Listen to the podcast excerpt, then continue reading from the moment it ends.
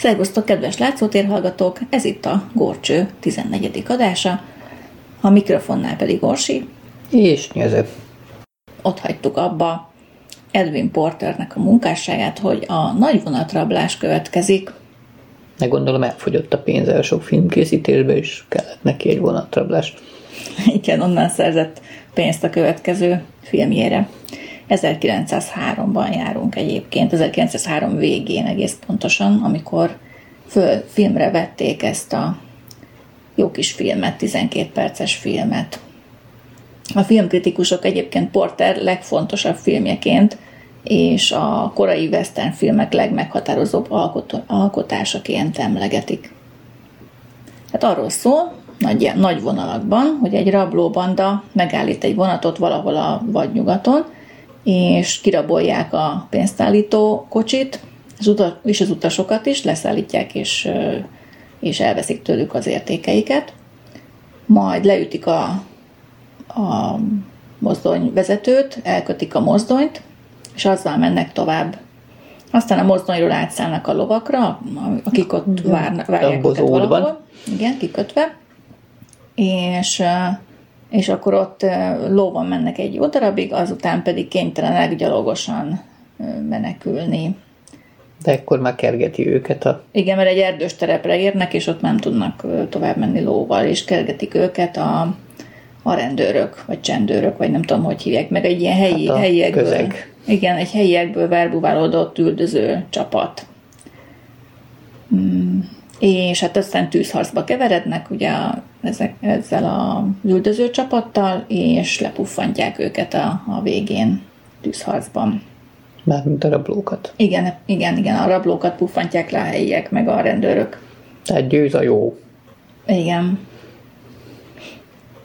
Hát a film az akkoriban nagyon népszerű vonat témájú, vagy vonatos témájú filmekre, és a törvényen kívüli banditákról szóló történetekre támaszkodik. Közvetlenül Scott Marble 1896-ban íródott azonos című színdarabja alapján készült. Hm, ez olyan színpadon, hogy csinálták meg?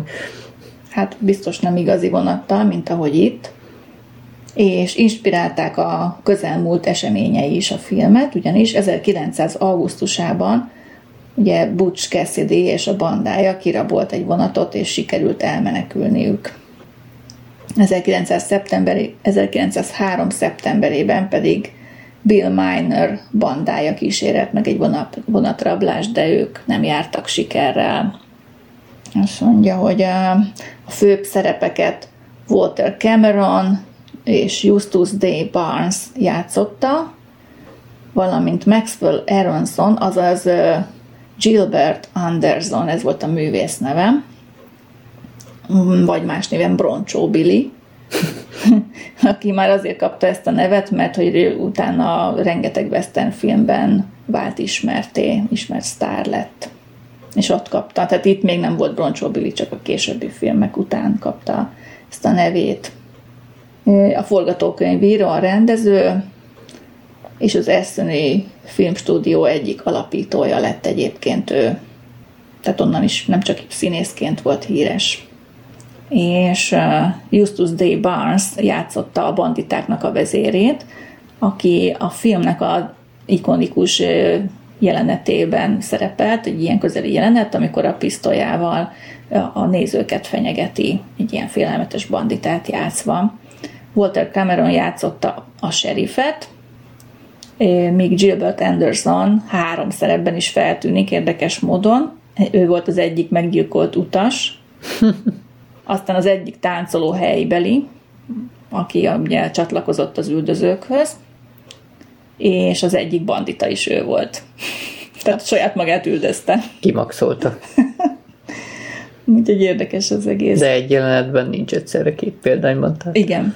Tehát Azt különben... a köt még nem csinálták meg ebben az időszakban. és azért a történetvezetés az egyidejű cselekmények megjelenítéséről is híres. Több jelenet gyors váltásával érte el azt, hogy, hogy nagyon pörgős lett az egész cselekmény, nagyon izgalmassá vált. Ezt tényleg tanúsítjuk, hogy egy egészen pörgős western filmet láttunk.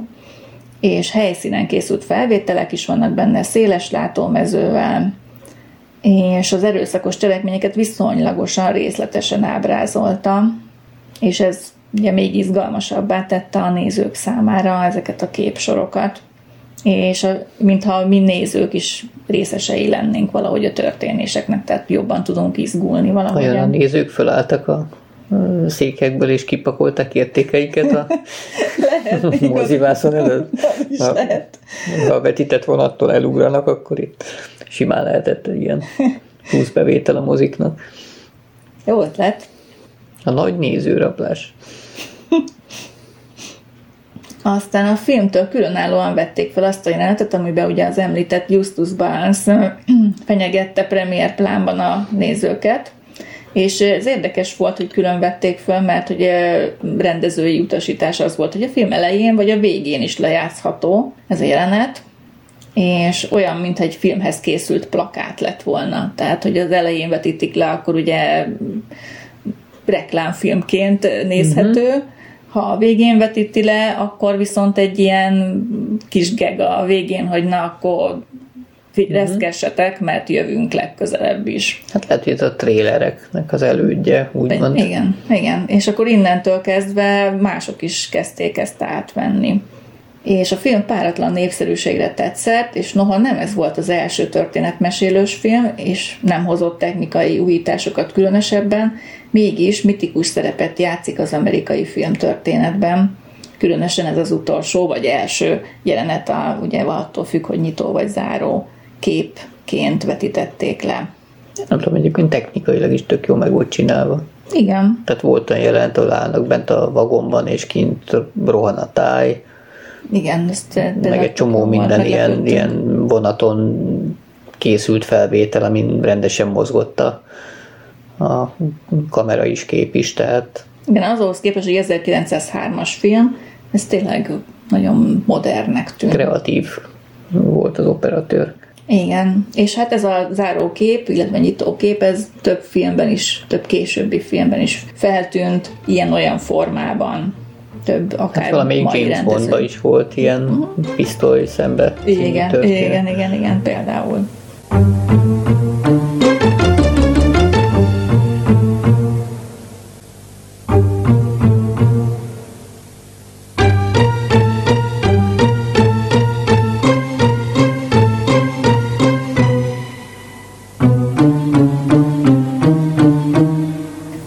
Említettem, hogy Scott Marble-nek a színdarabja is volt az egyik, amelyik alapján ez készült, és 1902-ben New Yorkban több helyen is játszották nagy sikerrel ezt a darabot. E, egy texasi bűnbanda kalandjait mutatja be, amely egy 50 ezer dolláros aranyszállítmányt kísérel meg ellopni a Missouri állambeli Wells Fargo irodából. Hát itt is úgy kezdődik, uh-huh. hogy e, egy irodát mutatnak, ahol a távírást kényszerítik és... arra, hogy, hogy állítsa meg a vonatot, gyakorlatilag itt küldjön egy, egy üzenetet, amivel megáll a vonat egy ilyen víztöltő helynél, és ott rabolják ki. Nyilvánvalóan nagy hatással voltak rá az akkoriban népszerű üldözéses filmek, különösen a brit Sheffield Photo Company 1903-as Frank Mutter Show által rendezett Daring Daylight Burglary, vagyis Merész rablás fényes nappal című filmje, és William Hagernek a Desperate Poaching Fray, vagyis orvadászok kétségbe esett összecsapása című filmje. A címe? Hát na. A szóbeszéd szerint Edisonék megpróbálták rávenni a vasúttársaságot, hogy ingyen kölcsönözzék számukra a forgatáshoz a vasúti szerelvényt, azzal érvelve, hogy a film jó reklámot biztosít majd számukra. Hát az biztos jó reklám, hogy a vonatokat ki lehet rabolni, és az értékeidet oda kell adni a rablóknak. Hát a társaság nem is egyezett bele ebbe, tehát nem volt elég eh, ütős az érvelés, de végül mégis belementek azzal az egy feltétellel, hogy Edison készít egy igazi reklámfilmet majd a vasúttársaság számára cserébe, ugye, hogy kölcsönadták ezt a vonatot nekik. Hív a vasútvára már? Igen. Hát nem pont ezzel a szöveggel. A filmben szereplő fűtő és mozdonyvezető az igazi fűtő és mozdonyvezető volt, tehát ők nem színészek voltak. Tehát a vasútársaság alkalmazottjai és a forgatás alatt nagy riadalmat okozott, amikor a mozdonyról kidobták a fűtőt, és ugye igazi ö, emberek álltak ott a, a, a vonat mellett, miközben egy, egy azt megtettesítő bábút dobtak igazából ki az állomásra a járókelők közé, és ők valódinak hitték ezt a bábút. De legalább reális volt a riadalom az arcukon. Igen. Porter filmjének negatívumai, hogy erősen a cselekményt helyezi előtérbe a karakterekkel szemben. A szereplők a távolabbi felvételeken megkülönböztethetetlenek maradtak, és kerüli a közeli felvételeket. Sok ponton követhetetlen az elbeszélés, szükséges az élő narráció. Tehát valószínűleg a filmbetítés mellett volt valami narrálás. Persze lehet, hogy a történések annyira foglalkoztatták akkoriban a közvéleményt, hogy nem kellett ez a különösebben magyarázni, csak most számunkra nem annyira érthető. Mm. Akkor mindenki erről beszélt. Igen, egy közbeszéd tárgya volt ez a vonatrablások akkoriban. A pozitívumai, hogy dinamikus a történetvezetés, és jól váltogatja a stúdiójeleneteket és a helyszíni felvételeket, amelyeket egyébként a New Jersey-beli Essex County Parkban vettek fel és három olyan felvétel is van a filmben, amelyeket mozgó kamerával vettek fel.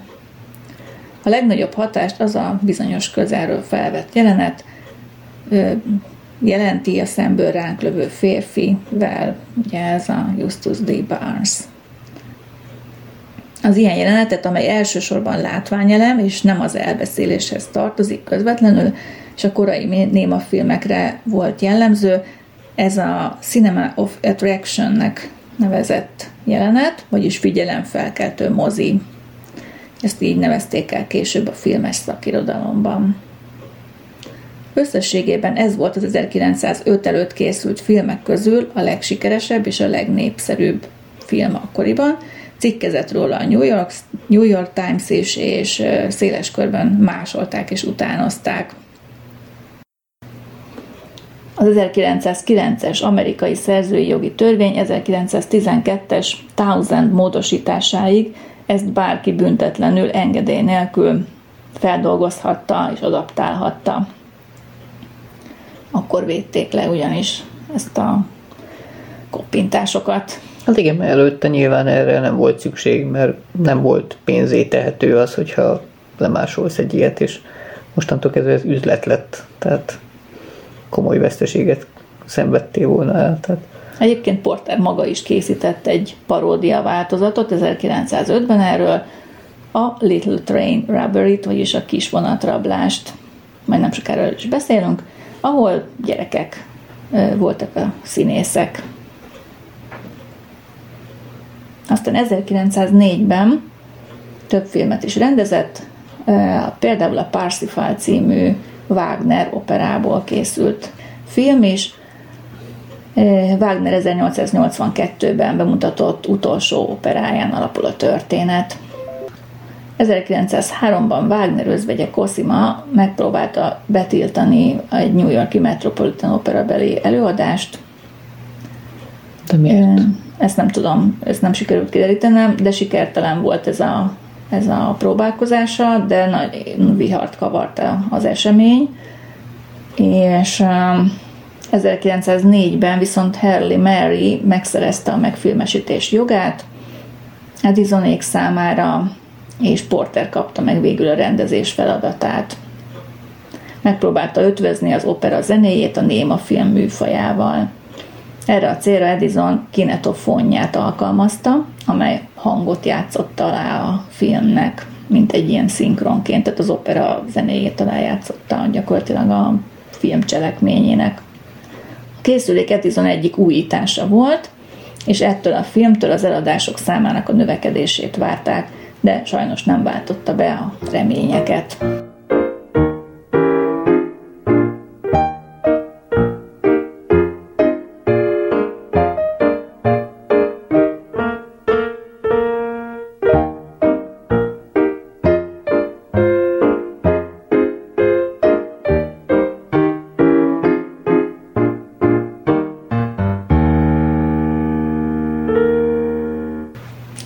The European Rescue, pihentető európai körút. Hát ez egy kicsit ilyen szarkasztikus, ez a pihentető. A film egy idős amerikai utazó viszontagságait meséli el Európában. Hát először gőzhajóra száll New Yorkban, aztán viharba kerülnek, tengeri betegségben szenvedi végig a hajóutat, aztán Írországban ugye kikötnek, ott felkeresi a Blárni várát, ugye a Blárni vet próbálja megcsókolni, aztán... Miért is? Mert milyen kő? hát ez a Blárni kő, ezt én is utána néztem el, tehát én tudatlanságban szenvedek, én még nem jártam arra. Szóval ez egy várba van a legfelső szinten, és mai napig zarándokolnak hozzá a turisták, sőt bakancslistás helyen van a nem tudom én top, nem tudom hány bakancslistás hely között. Uh-huh. az ékes szólás kövének is hívják, ugyanis állítólag, aki megcsókolja, akkor az az ékes szólás képességével fog rendelkezni élete végéig. Tehát ilyen behízelgő beszédet jelent ez a blárni. Uh-huh. Tehát ha lesmacizod a követ, akkor jól tudsz majd dumálni. Igen. Aha. Igen, erre van egy ilyen, ilyen legenda, most szerintem nem fogom elmondani, hogy ezt Erzsébet királynő nevezte, és azóta hívják a Blárnit, az egy ilyen, ilyen kicsit ilyen behízeg, mézesmázos beszéd, ami ilyen elterelésként uh-huh. használnak, és tulajdonképpen nem váltják valóra, mert ő adót akart beszedni ettől az ír várkastélynak az urától, de hogy az ott fogadta a követeket, meg megvendégelte őket, ígért fűt, fát, mindent, hogy majd befizet az adót, aztán persze nem. Uh-huh. És amikor ugye az adószedők üres kézzel tértek vissza, és alig merték elmondani a királynőnek, hogy nem fizették meg az adót, az meg csak egy jót kacagott rajta, és akkor na, ez is egy blárni volt. És akkor innentől kezdve így született meg ez a szó, amit, a, amit most is erre használnak. Na mindegy, ez a kő viszont ugye mai napig egy kábakőként, vagy nem tudom. Hát elég nagy kábaság mondjuk csókolgatni egy követ. Tehát, tehát oda zarándokolnak a, a bárgyú turisták. Na mindegy, emberünk is oda ment, és hát le is esett a falról, mert hogy ez nem egyszerű ám, csak úgy oda mész, aztán puszi, puszi. pont szájmagasságban található a kő, hanem le kell hajolni hozzá, de nem ám akár, hogy hanem hátrafele lehajtott, hátrahajlott fejjel, meg majdnem hídba ráadásul egy ilyen várfalon kilógatva. Tehát ott van egy ilyen segítő, aki ott lefog téged, téged a... kilógat, te megkapaszkodsz ilyen, mm, ilyen fémrudakba, és akkor így hátrahajolsz, és alulról kell megcsokolni a követ. Tehát elég hajmeresztő láttam. Viszont ha véletlenül elejtenek, akkor utána az ibolyát fogod alulról szagolni. Nem, állítólag ott be van rácsozva már ez a egy méteres távolsága a várfal és a kő között. Tehát, hogy nem tudsz kiesni, de hát na. Uh-huh. szóval elég ilyen bátorságkőnek is hívhatjuk inkább, nem csak ékkes szólás köve. Na, aztán megy a Párizsban, ahol kánkánozik, két ilyen táncos nővel, egy kávéházban, aztán az Alpokban bezuhan szintén egy szakadékba, Olaszországban néhány rossz fiú megszabadítja az értékeitől, még bámulja a pompei romokat, aztán Egyiptomban szintén felmászik egy piramisra, onnan is leesik. Meg visszagurul, igen. Egyéb, egyébként Egyiptomot érdekes módon Európának tekinti a film, nem mindegy. Tengeren túl, mondjuk így, és akkor így. Igen. E, és végül Németországban energetizáló masszásban részesül egy iszapfürdőben. Ahol aztán dézsával úgy öntik pofám, hogy ott fuldokol, meg minden baja van a fickónak. Hát igen, meg kicsit olyan keményen, férfiasan csapkodják meg hát az iszapban. Jürgen és Jürgen neki esik, és... Na mire hazakerül szegény pára, addigra alig áll a lábán, és alig tudják betámogatni a taxiba. De a vele együtt utazó fiatal hölgy az mindenhol fitten és tiszta ruhában, és mit tudom én, tesz, nyomja végig a túrát, tehát azért Na hát, igen. A film 12 jelenetből áll, amelyeket feliratok vezetnek be. Az első négy jelenetet az mozgókamerával vették fel, ugye ez a New Yorki kikötőben. Láthatjuk Manhattan-t hajóból, tehát azért érdemes megnézni talán a leginkább a filmet, Az Teljesen régi. furcsán néz ki tényleg, tehát megvan egy-két nagy toronyház már, mert ugye abban az időszakban kezdték építeni ezeket a felhőkarcolókat, de közöttük még ilyen kis pici alacsony egyszintes épületek, meg ilyen furcsa ilyen dokkok, amikre ráépített kis raktárházak vannak, tehát valami egészen Igen. más képet mutat, mint most. Hát igen, ez a 120 évvel ezelőtti New York Manhattan, úgyhogy ezért szerintem érdemes megnézni. Aztán láthatunk függőleges kameramozgást is, ahol nem tudom, a hajós kapitány, vagy, vagy nem, az a kalauz, szerintem az a rév kalauz lehet, aki elhagyja a hajót, és aztán beszáll egy csónakba. Mert az szokott ugye a nagyobb kikötőkből Hát kikalauzolja. meg ugye látsz imbolygó kamerát is, Igen. ugye a tengeri beteg résznél. Azt is lehet látni, igen, egy ilyen dülöngélős kamerát, mert szinte mi is tengeri betegek leszünk tőle. A többi felvételen viszont díszleteket láthatunk, ami szerintem eléggé olyan Hát olyan meli illúzió, és romboló, stílusú, igen. tehát az erősen modell jellegű. Igen. Aztán a, az utolsó jelenetben meg, megint egy helyszíni rendes felvétel a hajóállomásról.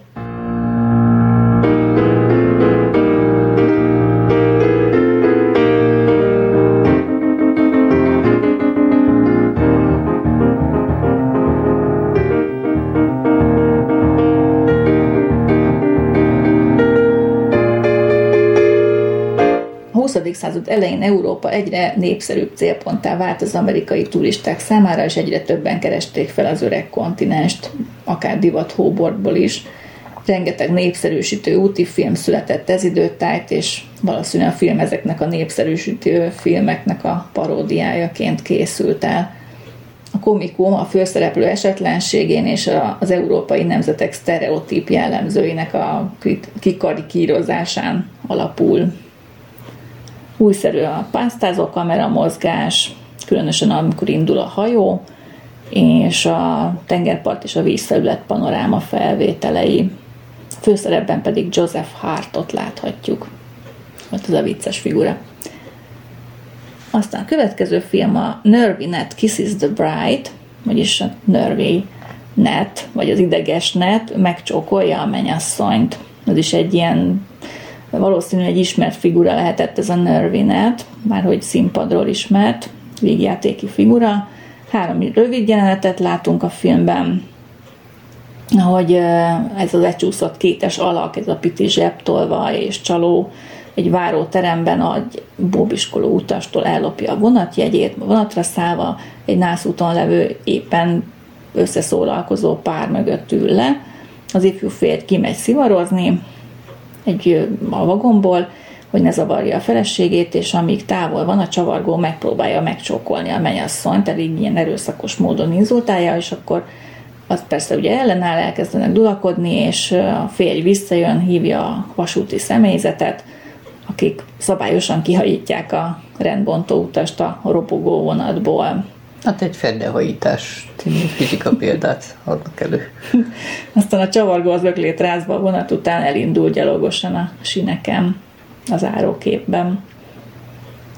Aztán volt egy olyan, hogy Maniac Case, vagyis vadhajsza.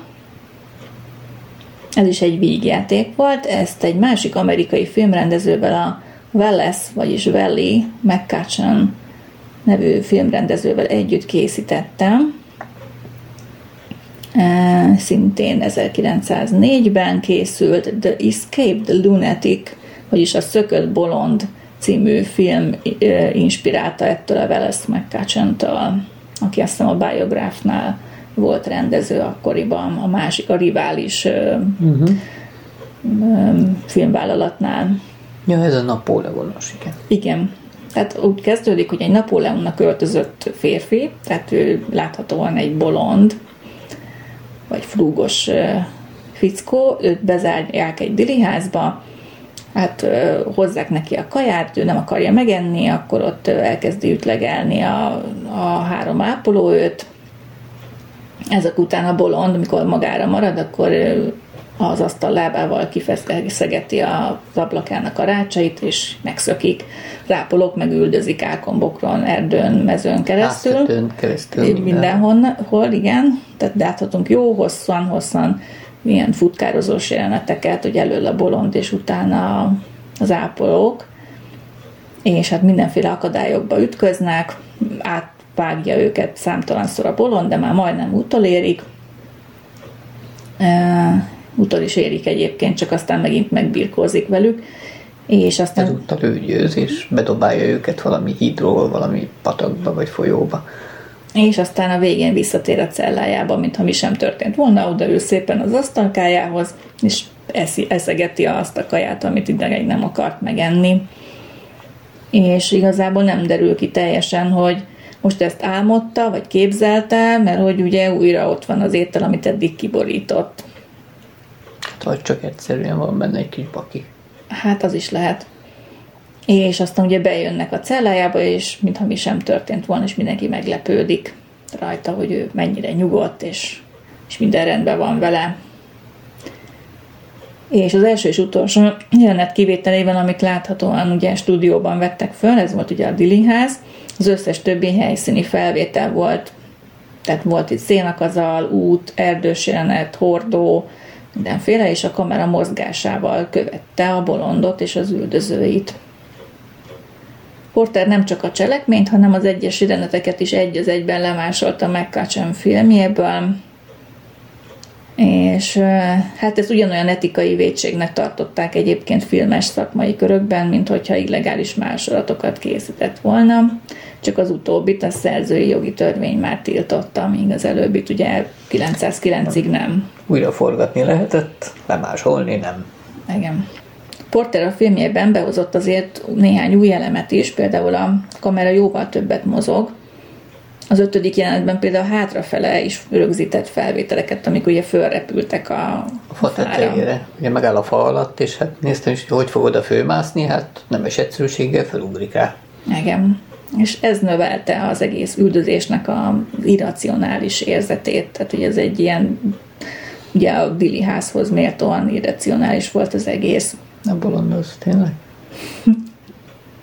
Aztán ez a film nagyban hozzájárult az üldözős filmek népszerűségéhez is, és a jelenetek folytonossági láncba fűzését, folyamatos átmenetét széles körben ö, gyakorolták ezek után a filmrendezők.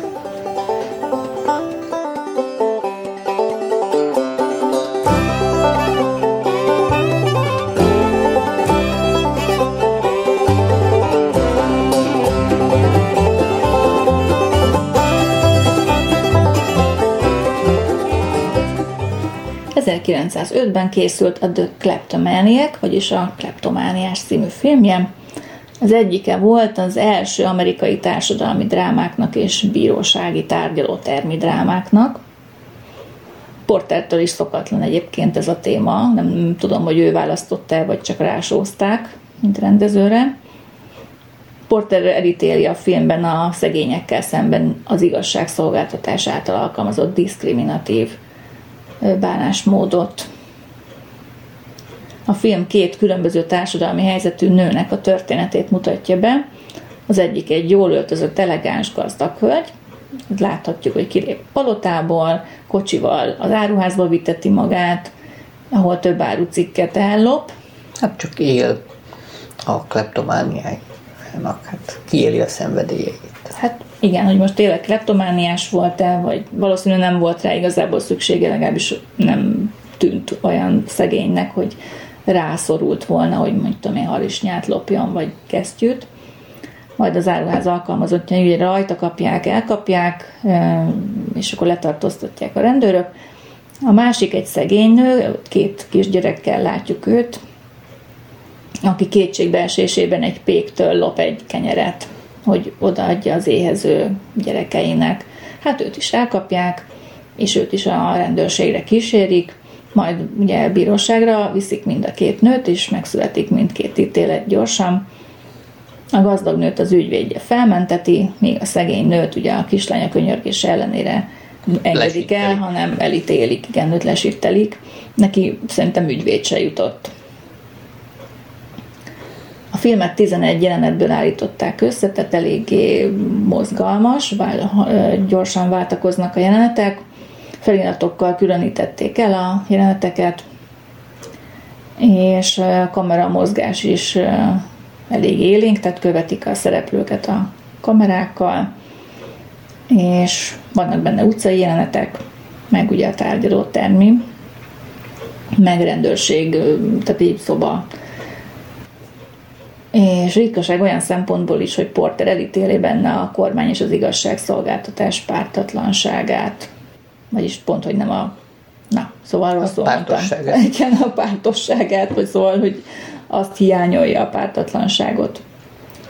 Hát igen, az benne van abban is, ahogy bekísérik a kettőt, mert a gazdag hölgyet a szép udvariasan kísérgetik, a, a szegény anyát azt meg lögdösik, taszigálják, vonszolják. Igen. Egyébként a gazdag hölgyet a filmben, ez most számunkra nem derült ki, mert hogy nem láttuk a feliratokat itt ebben a változatban, amit megnéztünk, Mrs. Bankernek hívják. Tehát az is elég beszédes név, tehát ugye a bankárnak a felesége. Uh-huh. Ezzel bankárné. Is, bankárné, és ezzel is azt sugalja Porter, hogy a férje egy bankár, és meglopja az ügyfeleit.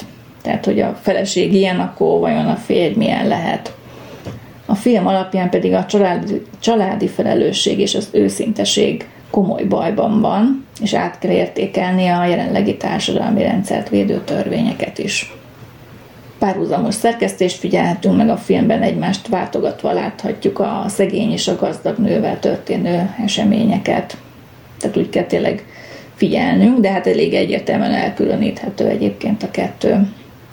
A film pedig egy allegorikus jelenettel zárul, ahogy az igazság, úgy ki van írva a felület, hogy az igazság, az egy bekötött szemű szobor, ugye egy női alak, mérleget tart a kezében, a justícia, igen, és a, ugye a, ser, a mérlegnek a serpenyőjében az egyikben egy zacskó arany, a másikban pedig egy szelet kenyér van, és hát az arany felé billen a a mérleg nyelve. Ez Nem meglepő módon. Egyértelmű utalás az, hogy az igazságszolgáltatás elég részrehajló. Ritkaság ilyen szempontból, hogy ez nem egy könnyed témájú film, hanem igencsak megmutatja a, a gondokat, bajokat a társadalomban és az igazságszolgáltatásban. thank you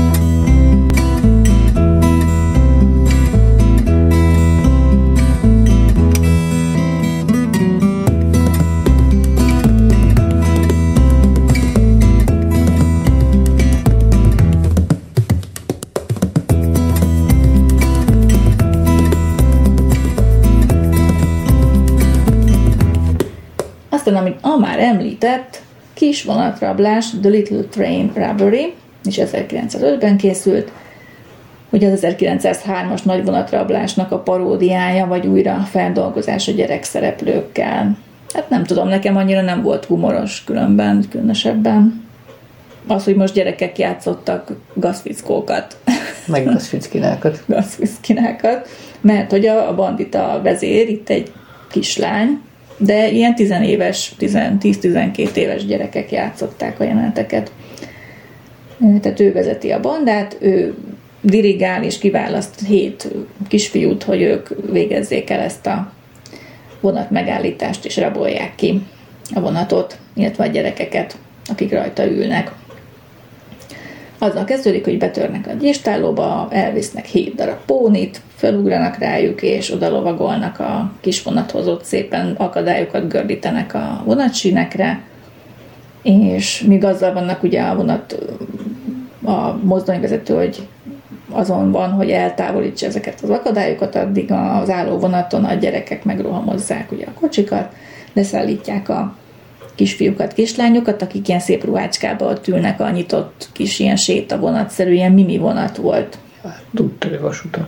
Hát igen, még annál is kisebb kis vasutat, és Mi? elveszik tőlük a... Hát beszolgáltatják a cukorkáikat és a maciaikat. Igen, tehát a babákat, a macikat és a cukorkákat veszik el a gyerekektől. Szegények meg ott maradnak, mert elkötik a, a mozdonyt és az első kocsit, és azzal mennek oda, ahol a pónikat hagyták, majd ugye felugranak, és azzal menekülnek, mert követik őket a nyomozó bácsik, meg a rendőrbácsik. A kombokron keresztül. Igen, és akkor itt is kezdetét veszi egy nagy üldözés, a gyerekeknek sikerül egérutat nyerniük, és visszamenekülnek a bázisukra, egy ilyen fakunyhóba az erdőben, és épp a zsákmányt osztják el a nagy zsákból, amikor rájuk törnek a rendőrök, és épp csak el tudnak menekülni, tovább üldözik őket, majd végül egy tóhoz érnek, ahova ugrálnak befele a gyerekek, és a rendőrök meg a csónakkal, meg a parton bekerítik őket végül is, és akkor elfogják őket. És az utolsó jelenetben mutatják azt, hogy az egész rablóbandát megkötözve, egymáshoz kötve így kísérik el. Amikor egy hős kisrác beront, és a vezér kislányt azt levágja a rabláncról. Igen, a rabláncról, a rabláncról, a rab, rabkötérről levágja az utolsónak oda kötött kislányt. Tehát így egy gáláns lovakként megmenti őt, ez az utolsó jelenet. A filmet a Pennsylvaniai Connellsville közelében levő olimpiai parkban vették fel. Ez azért érdekes, mert ugye múlt adásban említettem, hogy Porter Connellsville-ben született. Tehát ez a szülővárosa közelében levő parkban. Tehát ez valami gyerekkori emléknek a felidézése. Lehet, lehet. őt is kirabolták. lehet, vagy pedig ő volt az egyik bandita. Ki, kis Bucska Szidi kirabolta őt. Szóval ezért érdekes ez a film. Aztán The Miller's Daughter, a Molnár lánya. Porter ezt a filmet Wallace McCutcheonnal együtt rendezte, akit előbb említettem, hogy a rivális filmstúdiónál volt rendező, de itt most együtt dolgoztak, és Still McKay Hazel Kirk című színdarabja alapján rendezték ezt a filmet. Hát ez egy ilyen, nem is tudom, ilyen ír indítatású ballada, vagy balladisztikus dráma vígjáték. Az eredeti darabban Hazel Kirköt egy Molnár lányát Iron Rodneyhoz akarja adni az apja, mert Rodney megmentette a malmát a csőttől, a lány azonban Arthur Carringtonhoz megy feleségül. Carrington anyjának sem tetszik ez a házasság, és azt állítja Hazelnek, hogy a fia már nős, ezért a házasságuk érvénytelen. Hazel kétségbeesésében, hogy elválasztják a szerelmétől, meg akarja ölni magát, de Carrington megmenti őt. Itt ez volt az eredeti színdarab, tehát itt boldog vége szintén, de ugye a Carringtonnal boldog vége, a szerelmével.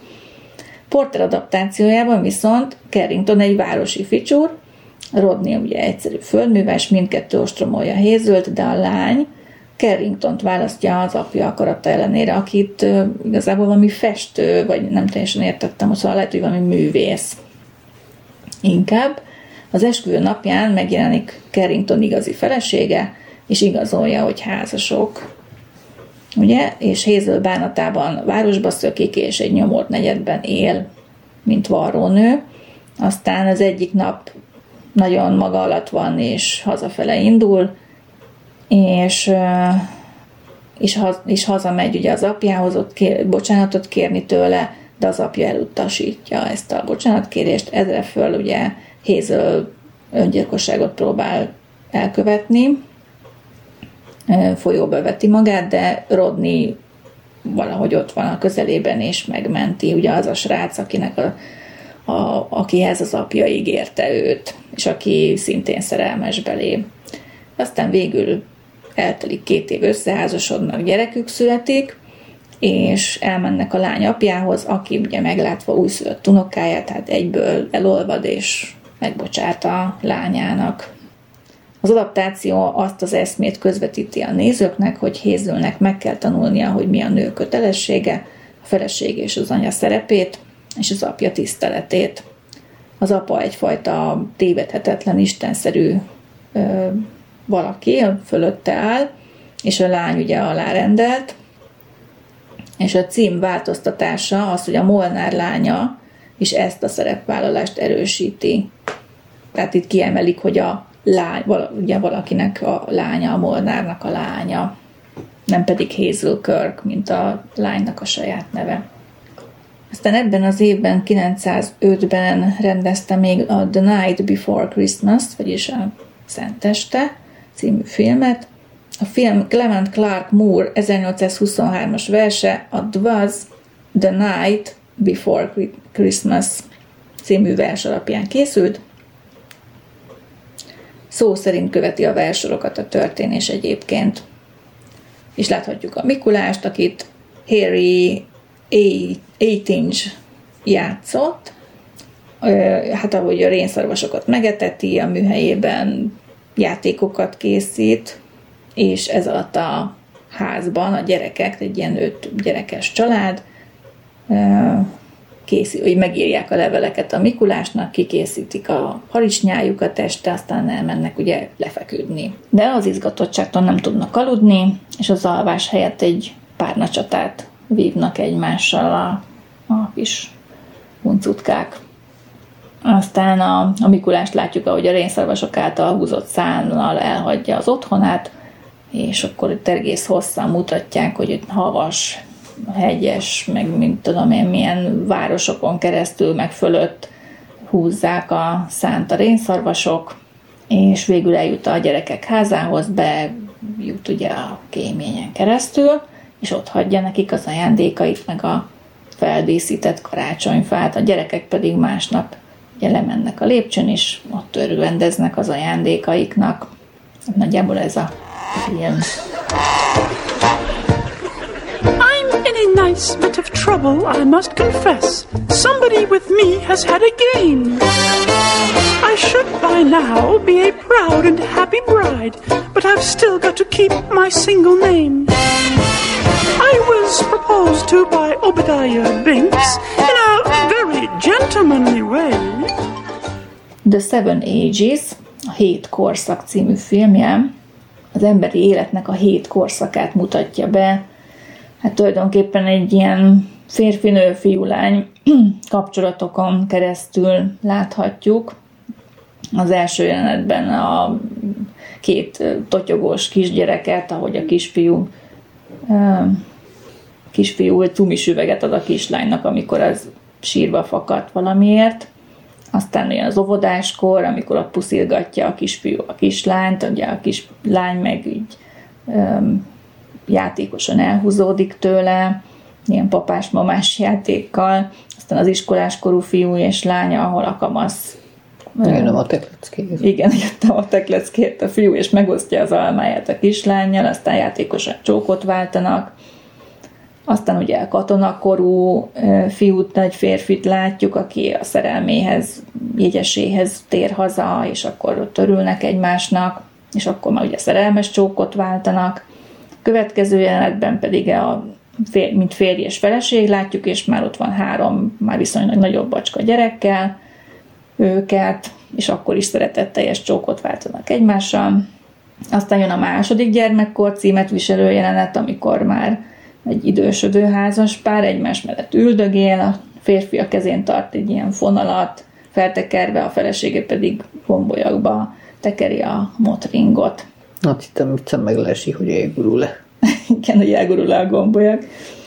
És ott is nagy egyetértésben nevetgélnek közben egymással, és a a férj időnként puszít nyom a felesége arcára, akár csak ugye a második jelenetben a kisfiú a kislány arcára.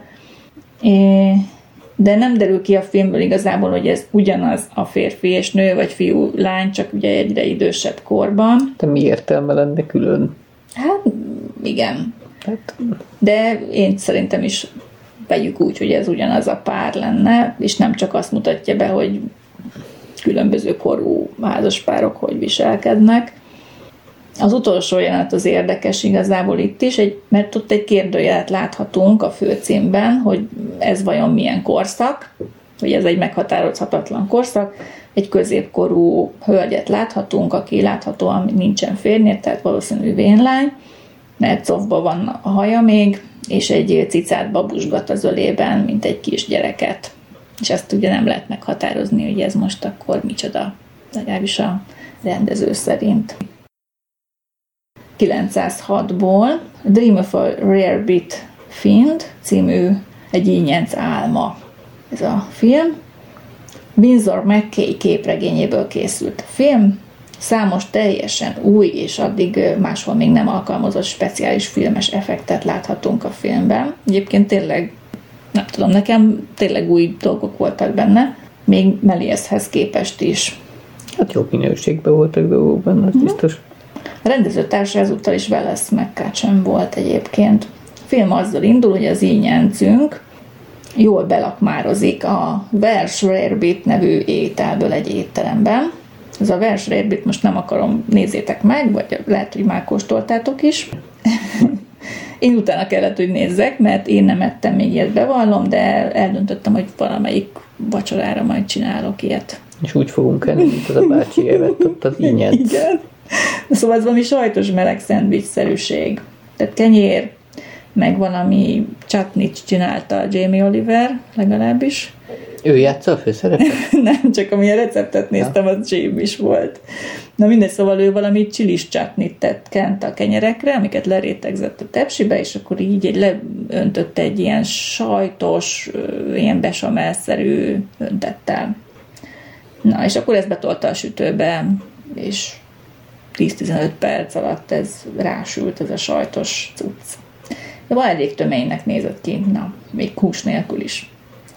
Aztán, amikor távozik az étteremből, kezd szédelegni, meg halucinálni, forog vele a világ. De ugye miért forog a világ, meg közben három vagy négyféle piát is be, beleiszik, meg két pofára tömi a szájába a mártást, meg folyik minden mindenfelé, tehát...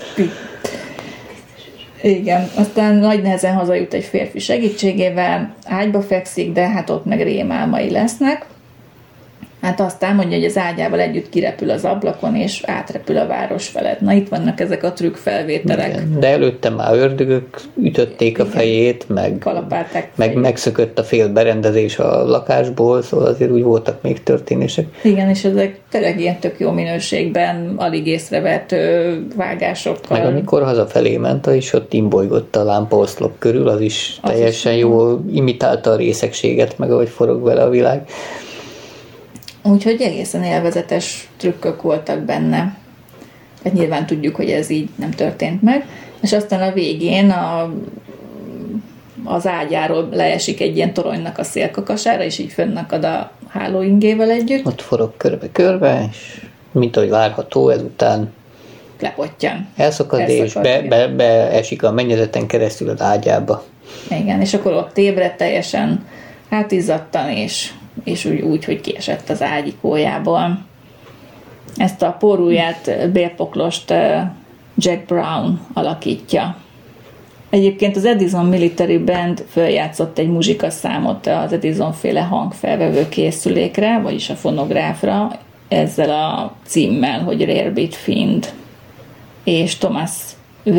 Turban szerezte ezt a számot Porter filmjéhez direktbe. Úgyhogy ezt azért hallgassátok meg. A másik ilyen film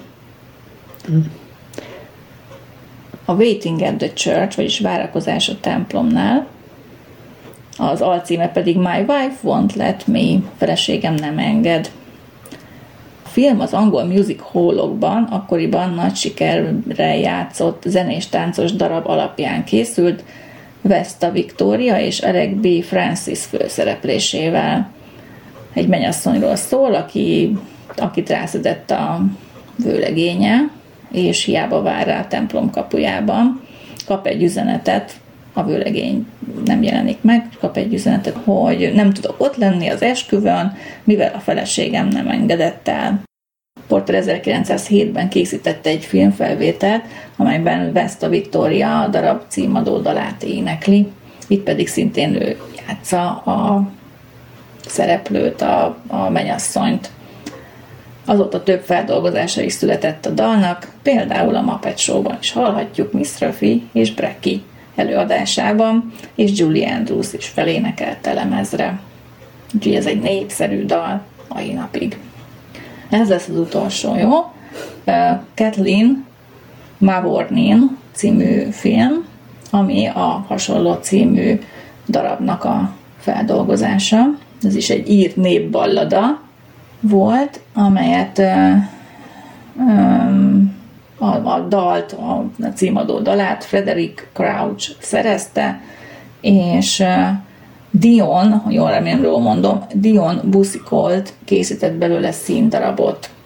Egy ír játszódik, ahol Kathleen Mavornin apja nagy összeggel tartozott a helyi maffia főnöknek, Clearfieldnek, aki tulajdonképpen markában tartotta a falu igazságszolgáltatását vagy törvénykezését is.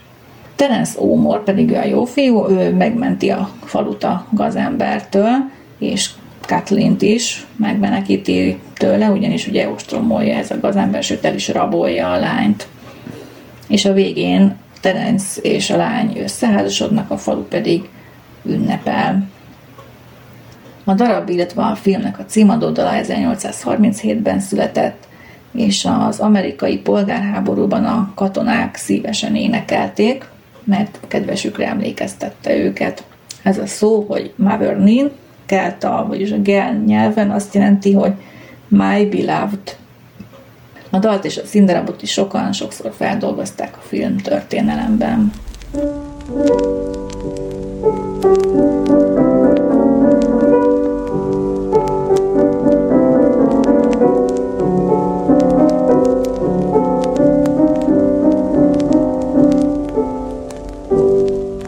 1907-ben készült a Laughing Gas, vagy a Nevető Gáz című film.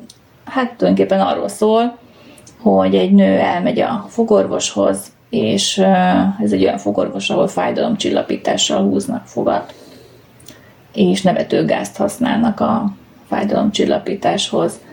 A hazafelé pedig nem tudja abba hagyni a nevetést, és akivel csak találkozik, arra mind ráragad a, vagy átragad a nevetése. Ami érdekes, hogy itt fekete nőről van szó, tehát itt tényleg egy fekete bőrű nő játsza a főszerepet.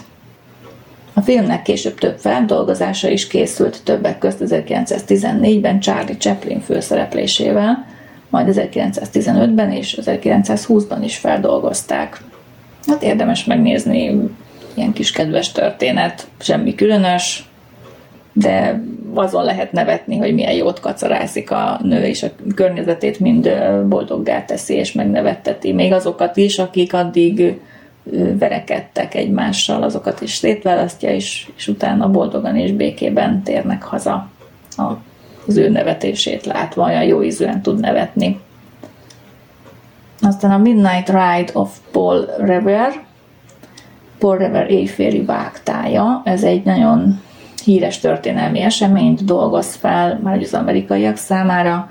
1775. április 18-án zajlott ö, ö, eseménynek állít emléket, amelyben Paul Revere az angolok és a telepesek köz zajló függetlenségi háborúban, kiszabadulva az angolok fogságából, Lexingtonból Concordba lovagolt vágtában, lova a barna szépség hátán, hogy figyelmeztesse a telepeseket az angolok támadására, és tájékoztassa őket az angolok terveiről. A hazafias tett döntő szerepet játszott a függetlenségi háború további alakulásában, és a telepesek győzelmében a végén. Erről a vágtáról több művészi alkotás is megemlékezik, például Henry Wadsworth Longfellow 1861-es költeménye, a Poor Reverse Ride Számos részmetszet, festmény, szobor, emléktábla és bélyeg is készült erről a híres vágtáról. Aztán a The Rivals, a vetélytársak című film, ahol két fiatal férfi ugyanannak a hölgynek a kegyeiért verseng, és hát nem riadnak vissza a csalásoktól, fortélyoktól, és még a tetlegességtől sem, hogy egymást jól tréfálják és lecsapják a hölgyet a másiknak a kezéről. Aztán a rivalizálásuk annyira elfajul, hogy végén ugye párbajoznak, pisztolypárbajt akarnak vívni, és egy harmadik férfinek a segítségét kérik, aki, aki a bíró lesz ebben a párbajban, vagy segéd, és hát, hogy majd a hölgy választani fog ezek után, aki ugye életben marad, az, az nyeri el a hölgy kezeit, de amíg ők a párbajra készülnek, addig a nő tulajdonképpen meglép a, a bíróval, a harmadik fickóval, és mire utolérik, ugye észreveszik, hogy eltűnt a nő, és utolérik, addigra már meg is esküdtek a templomban. és a film rengeteg komikus jelenetet sorakoztat föl, úgyhogy ezért érdemes megnézni. Ez is egy korabeli színpadi komédia feldolgozása egyébként. Aztán a Daniel Boone című filmje, az alcím pedig Pioneer Days in America, vagyis hát úttörők, vagy felfedezők, vagy nem is tudom, Amerikában. Daniel Boone, amúgy az egyik leghíresebb felfedező, egy ilyen legendás hős, Amerikában egy kvéker telepes, akinek köszönhetően sikerült utat találni és kiépíteni a Cumberland hágon keresztül az Appalach hegységben, hogy összekössék a Virginiát, Tennessee-t és Kentucky-t. Kalandozásai során egyébként eljutott délen egész Floridáig, nyugaton pedig Missouriig és Nebraskaig. Ebben a filmben is rendező társa McCutcheon volt, a női főszerepet pedig az egyik legelső női filmsztár Florence Lawrence játszotta. Nyilván ez művésznév volt. Ő játszotta a Daniel Boone legidősebb lányát, Jemima-t. Ezt az utat, amit kiépítettek, Búnék, ugye Búnés családja, azt Wilderness Roadnak nevezték el, mai napig megvan, és ezen ez vezet át az Appalach hegységen keresztül. Hát most már nem csak ez, de ez volt a legelső ilyen út. Végül megalapíthatták a Kentucky-beli Boonesboro-t, ugye ez mai napig létezik, Haroldstown és Benjamin Logans-t. Boone pedig folyamatos küzdelemben állt a Cherokee indiánokkal és más indián törzsekkel. 1776-ban az indiánok elrabolták a lányát, Jemima-t és másik két telepes lányt, Boone pedig három nappal később csapatot vezetett a megmentésükre, és sikerrel megmentették a lányokat. Ennek állít emléket Porter filmje. 1778-ban egyébként magát Bunt is elfogták a Shawnee indiánok. A főnökük befogadta őt fiaként. Majd öt hónap múlva megszökött az indiánoktól, hogy figyelmeztesse a társait egy közelgő indián támadásra, hogy Boonesboro ellen. Ennek köszönhetően fel voltak készülve, és sikeresen álltak ellen az indiánok ostromának. Daniel Bunt hősként tisztelik, és Lord Byron hét verszakot szentelt neki a Don Juanban, és ezzel világhírűvé tette őt. De más irodalmi alkotásban, festményeken, színdarabokban is szerepel, és hát írtak, írtak ő róla. 60-as években televíziós sorozatot is készítettek a kalandjairól. Nevét számos földrajzi név őrzi, ugye Boonsboron kívül az észak-karolinai Boone városa, és a Daniel Boone tanya is van ilyen néven, Pennsylvániában a Boone szülőhelyének a, az emlékhelye. Fiának Nathan Boone-nak pedig a Missouri beli háza is történelmi helyszín, St. Louisban, ahol élete utolsó éveit töltötte. A filmet a Bronx Parkban, New Yorkban forgatták. A főszereplő színésznő Florence Lawrence naplójából az derül ki, hogy Porter nem nagyon adta át a munkát másoknak, mindent maga akar csinálni a rendezés során, és ezért nagyon lassan haladt a forgatás.